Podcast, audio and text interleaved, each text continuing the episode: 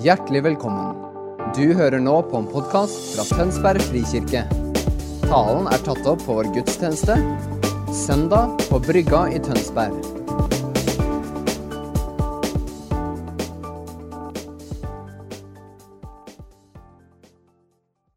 Litt grann i knagger på veggen. Eh, overskriften er det som betyr mest. Forrige søndag dere, så talte Eivind om enhet i mangfold, om eh, menighetsfamilien, hva det vil si å være menighet. Og hva det vil si å være skapt til fellesskap. For vi er det. Skapt. I sitt bilde skapte han det. Til mann og kvinne skapte han dem. Med andre ord, det er helt tydelig at vi, um, vi er skapt for å leve sammen med Gud og med hverandre.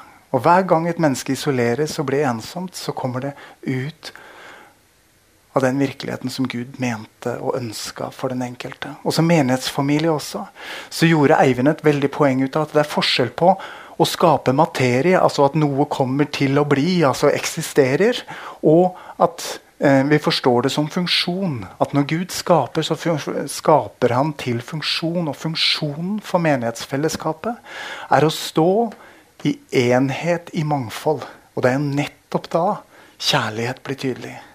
Når vi klarer å stå i vår mangfoldighet med alle disse forskjellige og rare, av og til irriterende og plagsomme menneskene og fremdeles elske, da begynner det å lukte himmel iblant oss. Eh, og det Eivind var mesterlig på nå, som jeg skal gjøre motsatt i dag da, Han la, ga oss bare godsida forrige gang. Når vi er slik, så er vi i vår funksjon. Men baksiden av den mynten er jo at når vi ikke elsker, så kommer vi ut av vår funksjon. Og Derfor er det så viktig for oss nå ved inngangen til et nytt semester eh, fokusere på det helt sentrale om hvorfor er vi til? Hvorfor er vi kristne? Hvorfor er vi menighet?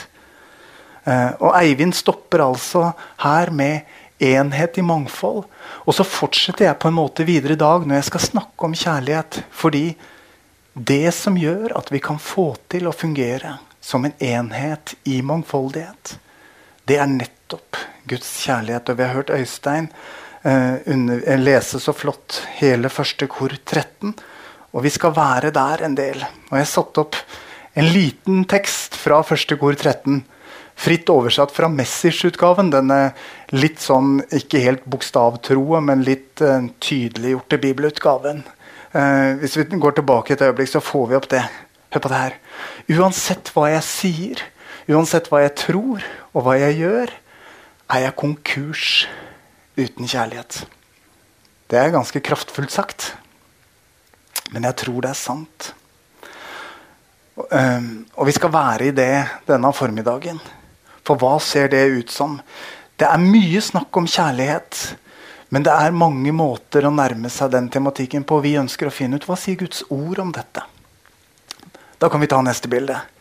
Eh, når vi begynte å be og lytte oss inn for høsten i Eldsterådet for å finne ut hvilket spor skulle vi følge Gud, hva ligger på ditt hjerte osv., så, videre, så så kjente vi at det Gud la på vårt hjerte, var tilbake til det helt sentrale. Til vårt liv med Jesus. Til fokus på hvem han er, og hva han har gjort for oss. Og hvilke konsekvenser det får for den enkelte av våre liv. Og for det fellesskapet vi er, den kirka vi er midt i Tønsberg her på brygga. Og da henta vi rett og slett opp igjen den boka som nå begynner å bli veldig gammel. Rick Warren sin bok 'Målretta liv'. Men som faktisk ble en veldig viktig impuls for vår menighets fornyelsesretning helt tilbake på midten, slutten av 90-tallet. Tror jeg det var og så innover på 2000-tallet. Og det ble så viktig for oss at vi la den boka som, som, en del av verdigrunnlaget. Vi la den inn som en del av verdigrunnlaget vårt. Fordi det Rick Warren gjør her, er å putte, ta opp fem hensikter som vi har valgt å kalle de fem t-ene. Tilbedelse, tilhørighet, trening, tjeneste og til alle. Og når vi lever i alle de dimensjonene, så lever vi et balansert og et helt kristenliv, sånn som Gud vil at vi skal det sånn som han lærer oss det i sitt ord. Så denne høsten kommer vi til å fokusere på to. De har gula ut. Tilhørighet, det er der vi starter. I fellesskap og menighetsfamilie. Og så kommer vi utover også til å snakke om tjeneste. At vi er skapt for å tjene Gud. Og vi er skapt for å være i tjeneste for Han og for hverandre. Det skal vi eh, Tenker jeg. Hvis du har den boka, eh, så ta den fram. Det er ikke sikkert vi kommer til å gi ut ressursark eh, denne høsten. Fordi at den boka er ganske nyttig, og alle temaene utover høsten kommer til å relatere til overskriften i den boka. Det betyr ikke at vi preker boka flatt, men det betyr at vi tar utgangspunkt i den. Så den kan være grei å ha. Jeg sjekka nå på nettet. Du får den for 49 kroner. Det er fordelen når den er gammel. Så har hun ikke, så kan du bestille den. Ok, det var intro og info. Da vil jeg begynne å undervise. Neste bilde. Livet handler først og fremst om kjærlighet. Vi er skapt til fellesskap. Gud skapte oss til mann og kvinne. Vi er skapt for å stå i relasjon til hverandre. I ekteskap, i familiene våre og i menighetsfamilien vår. Og det er når vi står i relasjon til hverandre på alle de nivåene, i kjærlighet, at vi fungerer som det vi er skapt til å fungere som. Nemlig å være et bilde av Gud midt i den verden vi er en del av. Når vi står i våre samlivsrelasjoner, i våre kjernefamilierelasjoner og i våre menighetsfamilierelasjoner, med alt det innebærer av velsignelse og glede, men også av utfordringer, og vi står i det i kjærlighet til hverandre, ja, da trer det fram et bilde av hvem Gud er imellom oss. Kjærlighet, dere, eksisterer bare i relasjon. Gud er treende Gud, Fader, Sønn og Hellig Ånd. Og for de litt teologisk interesserte, nå tillot Eivind seg å være veldig sånn eh, teologisk og faglig forrige søndag. Jeg skal ikke gå etter han. Men treenigheten er jo et mysterium, og samtidig er den helt grunnleggende for vår tro. For hva hadde vår Herre egentlig å melde om kjærlighet hvis han var én og var i ensom majestet? Det er jo sånn dere at Når vi er helt alene for oss selv, og det er lenge siden vi har møtt folk, så kan vi begynne å tro at vi er veldig modne og veldig langtkommende. Og at vi har kommet langt i vår helliggjørelse. Og i det øyeblikket vi går tilbake og begynner å relatere til mennesker som merker at oi, jeg kan både bli irritert, og jeg kan bli sinna, jeg kan bli ergerlig, og jeg kan bli skuffa, så skjønner vi jeg har visst litt igjen på min helliggjørelsesvei allikevel. Det er nettopp i, i relasjon at vi modnes og utvikles som mennesker. Og Gud er treende Gud, Fader, Sønn og Hellig Ånd i fullkommen kjærlighetsrelasjon. Og det å være menighet er å være kobla på Han og innlemma i kjærlighet. Og det er utgangspunktet og forutsetningen for at vi kan få lov til å fungere som kirke på den måten. Kjærlighet eksisterer ikke løst fra relasjon. Gir det mening? Ja. Det fins noen unntak, da, på en måte, men det er ikke kjærlighet. Det er noe annet. Forelskelse er ikke kjærlighet. Det går an å være forelska på avstand. Det går an å ha masse varme følelser på innsida.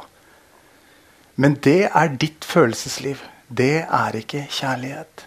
Kjærlighet oppstår i det øyeblikket du relaterer til en annen med sikte på å møte den andre der den andre trenger å bli møtt. Vi hørte det fra første kor 13. Kjærligheten søker ikke sitt eget, gjemmer ikke på det onde, osv., osv.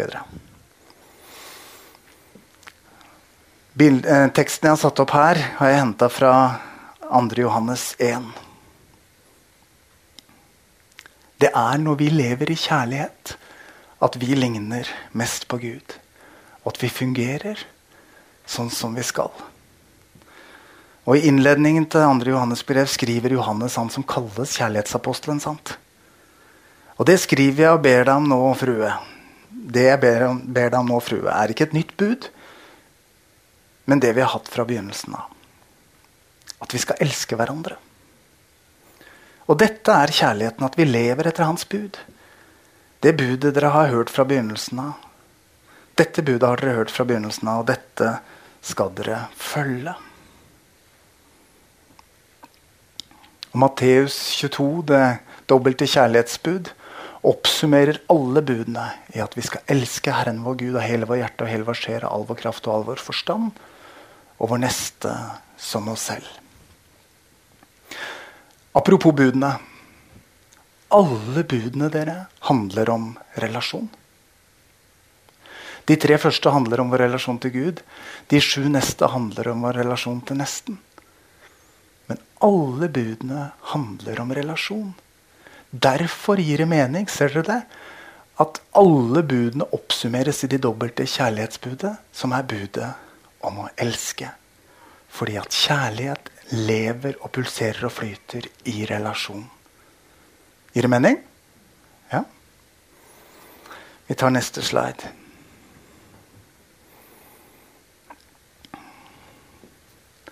Å lære å elske satte jeg som en overskrift. For det trenger vi faktisk. Å tjene hverandre i kjærlighet, hva betyr det? Jo, det betyr å elske uselvisk. Den kjærligheten vi snakker om i dag, det er den agapekjærligheten som er noe i motsetning til eros. Og nå blir vi litt tekniske igjen, da er vi på gresk språk. sant? Men eros er på en måte den egenkjærligheten og den naturlige menneskelige kjærligheten, eh, erotikkens kjærlighet, om du vil. Mens den kjærligheten vi snakker om her, dere, og som er fundamentet for hvem vi er som fellesskap, og som er fundamentet for hvordan vi skal leve sammen i relasjon, det er den fullkomne kjærligheten. Gud vil at vi skal elske alle mennesker. Men særlig Se på det første bibelverset. Er han opptatt av at vi skal starte med å elske de vi er i familie med? Se Galaterne 6. Så la oss gjøre det gode mot alle så lenge det er tid. Men mest med, mot dem som er vår familie i troen. Hvorfor det? Hvorfor skille Gud? Jo, det har jeg nettopp forklart. Fordi at vår funksjon som menighet er å være et gudsbilde i verden. Et bilde, et uttrykk for fullkommen kjærlighet, nåde og tilgivelse. Og Derfor er det utrolig viktig at vi som kristne og som familiemedlemmer i en menighet prioriterer relasjonene i kirka. At vi prioriterer relasjonene i menighetsfamilien i kjærlighet. For bare sånn er vi i vår funksjon som kirke.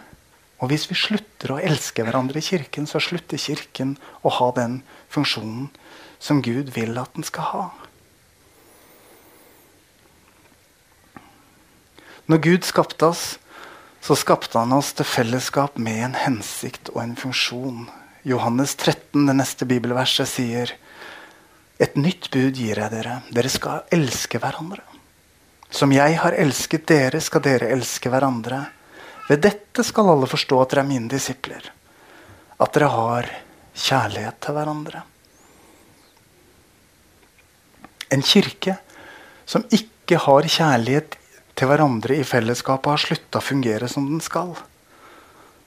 Og sant å si, dere, vi vet at mange ganger har det skjedd. Og de som ikke kjenner Gud, har sett inn på menighet og har tenkt at hvis det der er ikke en menighet, så vil ikke jeg ha noe med verken menighet eller Gud å gjøre. Det er en sannhet vi må erkjenne. Og det er et ansvar som vi må ta alle sammen. Men Gud ombestemmer seg ikke fordi om noen av hans barn, om noen av hans menigheter, kommer litt ut på skråplanet. For Gud er dette et prosjekt som han har starta, og som han har tenkt å holde på med inntil han kommer igjen. Og vi trenger faktisk å lære å elske. Og sånn sett er menigheten en fantastisk arena til nettopp å øve og lære. Øve opp vår vilje til å erkjenne hva er mine bidrag når relasjonene blir vanskelige og sårbare.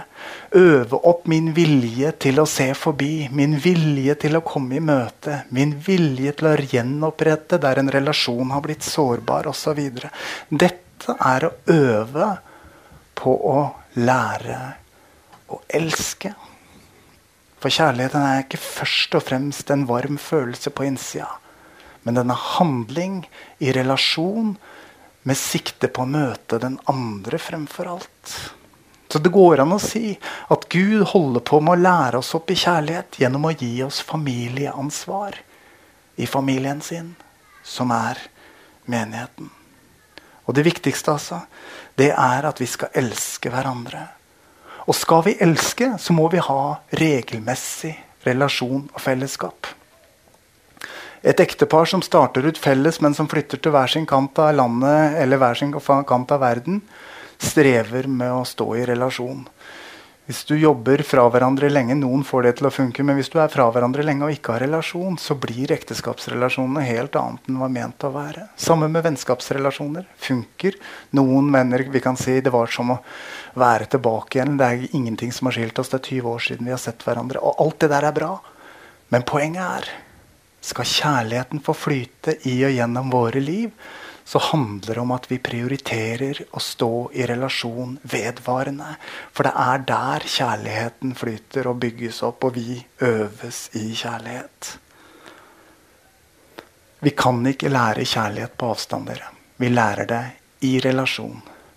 På så tett hold at vi også av og til merker at de andre er litt irriterende, litt brysomme, litt plagsomme. Og vi kunne godt tenkt oss en dag eller tre uten, men vi velger relasjon allikevel. Hvis ikke du har litt av den irritasjons-friksjonstendensen i relasjonen av og til, så vokser vi ikke i kjærlighet. Er dette å ta imot? Ja, Dere vet det er sant allikevel. Enten dere liker det eller ikke. Neste slide. Så det beste vi kan gjøre, altså, med livet våre, det er å elske. Kjærligheten er ikke bare en viktig del av livet, det er den viktigste delen av livet. Jeg satte opp uh, message-utgaven av første kor 13 en gang til. Hvis ikke jeg har kjærligheten, så er jeg konkurs.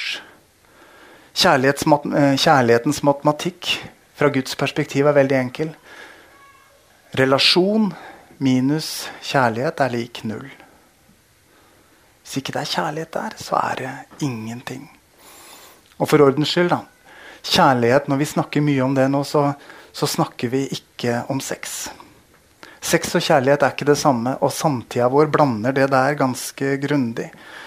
De henger sammen, og bør helst henge sammen, men det er altså fullt mulig å ha kjærlighet uten å ha sex. Og så vet vi at det går an å ha sex uten å ha kjærlighet, selv om ikke vi anbefaler det her i huset. Det var ment som en liten sånn understatement, en spøk. Det er lov å le. Men det var morsommere når jeg forberedte den det ble her, skjønte jeg. Ja, det, det, det går fint. Den kjærligheten vi snakker om nå, er ikke knytta til seksualiteten. Og det er så flott, for det betyr at alle sammen, uansett sivilstatus og utgangspunkt, er innbefatta i invitasjonen til å leve i kjærlighet. For uansett hva slags sivilstatus du har, og hva slags fase du har i livet, så er du invitert til å ta del i det du er skapt for. Nemlig å leve i relasjon, i kjærlighet til mennesker rundt deg. Svært nært og personlig på den private arenaen. Og ikke fullt så personlig, men allikevel nært i den menighetsfamilien du tilhører. Og fordi at det å elske er Guds prioritet nummer én, så blir altså relasjoner i kjærlighet det som må ha prioritet foran noe annet. Her er det litt sånn tankesett som gjør seg gjeldende. Av og til kan vi si at vi må skape rom for tid til barna våre, eller vi må skape eh, rom for tid med vennene våre, eller osv. Men hvis det jeg formidler til dere nå, dere, er sant, så betyr det at tid til relasjonene med familie, biologisk familie, menighetsfamilie og venner er ikke noe vi prioriterer når vi får tid til det. Det er det vi setter først. Fordi det er der vi lever i relasjon. Og det er der vi lever i kjærlighet. Og Gud sier at det er det viktigste for oss. Og noen ganger så tror jeg at vi trenger den påminnelsen om at vi skal ikke skape tid og rom til de som er viktigst for oss. de som er viktigst for oss, får vår tid og vår oppmerksomhet først. Som et uttrykk for kjærlighet. Fordi vi velger hverandre. Jag etter kjærligheten, står det i første kor 14.1. Og da er det agape som står på gresk. altså Den fullkomne, uselviske kjærligheten. Så hopper vi over det neste verset, for Øystein har lest hele første kor 13 så fint for oss, så vi trenger ikke ta den. Gud sier at vi skal prioritere kjærligheten, og jeg skal gi dere to grunner av det. Gå til neste slide, du. To grunner for det. For det første, dere Kjærligheten varer evig. Vi sier at ingenting varer evig. Jo, vi har begynt på det nye livet. Som kristne i tro sammen med Jesus har vi begynt på evighetslivet. Døden er en overgang inn i fortsettelsen som heter evigheten. Og kjærligheten strekker seg forbi det skillet. Det meste annet skal endres og opphøre og ta slutt. Men kjærligheten, dere, den har vi med oss. Og dere, nå har jeg holdt på som prest og pastor i over 20 år. Og jeg har sittet ved noen sykesenger og ved noen dødsleier opp igjennom. Og det er rart med det. Men når vi kommer til det punktet i livet, da ser det ut som om de aller, aller fleste av oss har forstått det vi med fordel kunne ha forstått for lenge siden. Nemlig at livet handler ikke om CV-en vår og eiendelene våre og prestasjonene våre. Jeg har ikke hørt om en eneste en som på dødsleiet har bedt om å få henta fram CV-en sin eller få tak i gullklokka si eller bedt om å sjekke nettbanken. For det er liksom ikke noe tema på den i den situasjonen helt på tampen av livet. Hva er det vi gjør på tampen av livet, dere? Jo, da samler vi de nære og de kjære rundt oss. Da blir det plutselig klart hva som betyr noe, og hva som ikke betyr noe hva som betyr mest, og hva som knappest er i horisonten. Men er det mulig, dere, at vi kan ta med oss de innsiktene som vi alle eier, fra avskjeden med noen av de vi har vært glad i, over i hverdagslivet sånn at vi gir oss selv tillatelse til å prioritere det Gud sier er viktigst. Relasjoner i kjærlighet. Og Hvis dere tar dette med dere som et sant ord fra himmelen og et sant ord i Gud, i Gud, fra Guds ord, og løper med det i livet deres, så er det ingenting som ville glede meg mer. Ingenting som ville glede meg mer. Veldig ofte lar vi mange ytre faktorer påvirke prioriteringene våre. Men Gud sier, Guds ord sier, og vi som menighetsfamilie sier relasjoner i kjærlighet er viktigst. Og vi ser gjerne at vi blir evaluert på det. Det flotte med nettopp det at kjærligheten strekker seg over i evigheten. Tenk på det. Alt det vi oppnår her, det har vi ikke med oss. Ikke noe av det vi eier, ikke noen CV-er, ikke noen prestasjoner. Men vår personlighet, den vi er, tar vi med oss videre. Så jo mer og jo lenger Gud får lov til å virke med, i oss med sin kjærlighet og forme og stelle oss med oss i tråd med det han ønsker for oss Alt det vi oppnår der, det får vi lov til å ta med oss. Og det siste punktet er jo at faktisk så blir vi også evaluert på vår evne til kjærlighet. På den andre sida så sier Jesus Det du gjorde mot en av dine mine minste, det gjorde dere mot meg. Han spør ikke alt vi, etter alt vi klarte å oppnå, og alt vi klarte å levere. Men han spør etter vår evne til å se mennesker rundt oss og stå i relasjoner i kjærlighet. Neste slide. Så det går an å si at kjærlighet staves tid. Jeg våger å være ensidig. Selvfølgelig er det mye mer å si. Men jeg våger å være ensidig. Jo mer tid vi gir til et menneske, jo mer uttrykker vi kjærlighet og vilje og ønske om relasjon. Og at det mennesket er viktig for oss. Vi kan fint tjene mer penger, vi kan fint kjøpe oss nye ting. Men tida kan vi ikke kjøpe, og vi kan ikke få mer den. Så når vi gir av det til hverandre, så er det et sterkt uttrykk overfor hverandre om at 'jeg vil deg'. Jeg er glad i deg. Jeg elsker deg. Jeg vil ha tid og fellesskap med deg. Og nå er vi på øvingsarenaen, og jeg øver så godt jeg kan. Men en av de tingene jeg har hatt med meg som en bevissthet, som en liten ting, som et eksempel, og så får du finne dine konkretiseringer av hva dette skal bety. Men jeg har ønska, selv om jeg har levd et pastor- og presteliv all min tid og, og, hatt en ganske full agenda ofte, så har jeg ønska at barna mine skulle oppleve at de kunne ha prioritet, og at de kunne forstyrre meg når som helst. Og med mindre jeg sitter i en sjelesorgsamtale, så tar jeg alltid telefonen når ungene mine ringer.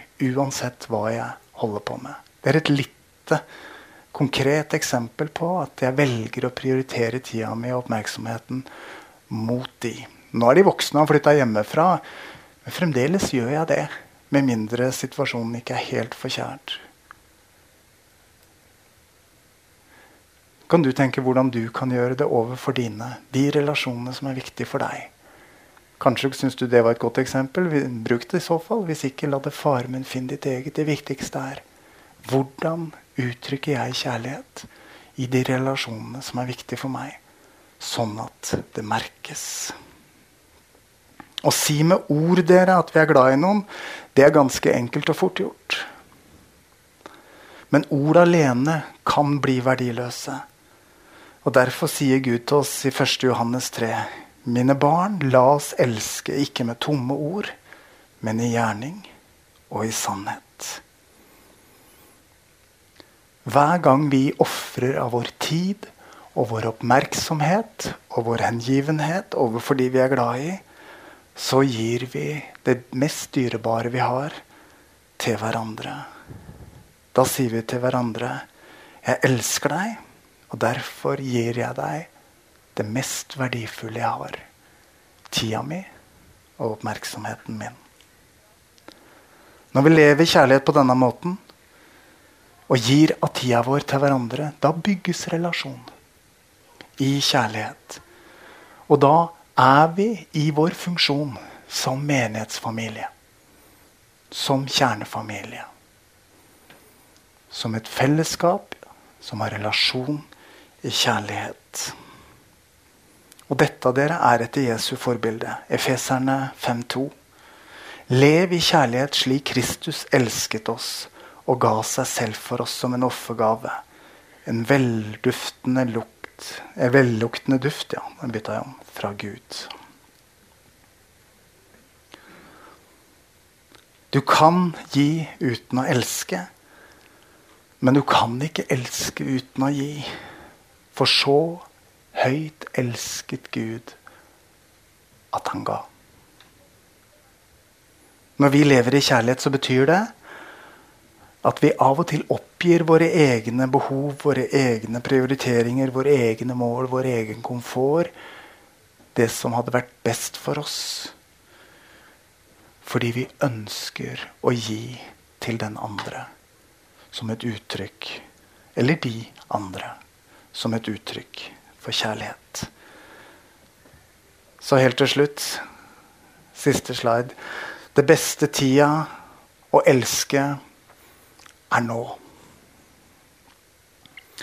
Noen ganger er det greit å skylde på forsinkelser. Noen ganger er det greit å skylde på at sesongen var ekstra travel. Men dersom det er forklaringen hele tiden, er det sannsynligvis en uvane du har oppdaga og ikke uheldige omstendigheter. Dersom kjærligheten betyr mest, så må den ha høyest prioritet for oss. Og da er det nå det gjelder. Og dette høres litt sånn fatalistisk ut, jeg skal si nå, så jeg advarer dere på forhånd. Men dere, tross alt så er det ingen av oss som kjenner tida og framtida. Den tida vi har, er nå. Den dagen vi har, er nå. De relasjonene vi har, er nå. For det hender at ting skjer. Det hender at relasjoner brytes. Det hender at noen dør. Det hender at noen blir borte. Og så var det som alltid kunne vært gjort, for sent å gjøre. Derfor er alltid den beste tida å elske akkurat nå. Hvem vil du bruke mer tid på? Jeg går inn for landing nå.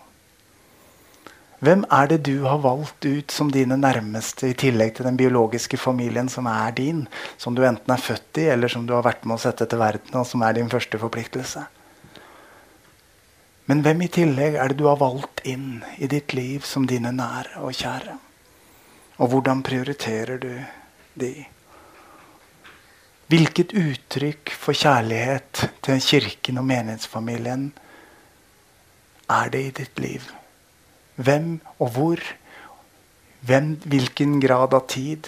Hvilke relasjoner, hvilke fellesskap er du en del av? Som gjør at det blir tydelig at du står i kjærlighet til Gud, til din egen familie og til den menighetsfamilien du får lov til å være en del av. Når vi står i relasjon i kjærlighet på alle de tre nivåene, så er vi midt i vår funksjon, i vår hensikt.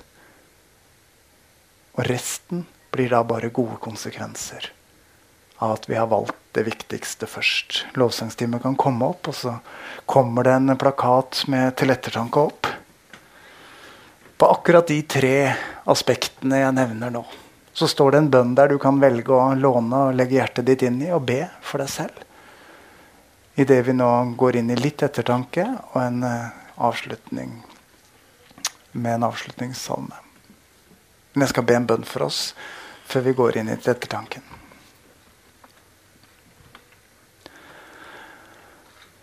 Jesus, vi elsker fordi vi er elska først. Tusen takk, Jesus, for at du sier ditt ord at vår første og fremste oppgave er å elske. Tusen takk for alt det vi da kan legge av, som vi har holdt for sant og viktigst. Jesus, fyll oss med din ånd, kjærlighetsånd. Salv oss og rør ved oss, Herre. Gjør prioriteringene våre gode. Så vi kan velge å leve kjærlighet leve i vår hensikt, pappa. I relasjon til deg, til våre nærmeste og til den kirka du har gitt oss å være en del av. Alt sammen gjennomsyra av din kjærlighet. Jesus, det fristes å bruke den gamle bønnen, eller iallfall noen ord av den gamle bønnen av Frans Assisi. Hjelp meg å være mer opptatt av å elske enn å bli elska. Se enn å bli sett. Gi enn å få. Herre, forløs din kjærlighet i våre hjerter, så våre liv kan ære deg og velsigne mange. Det ber vi om Jesus.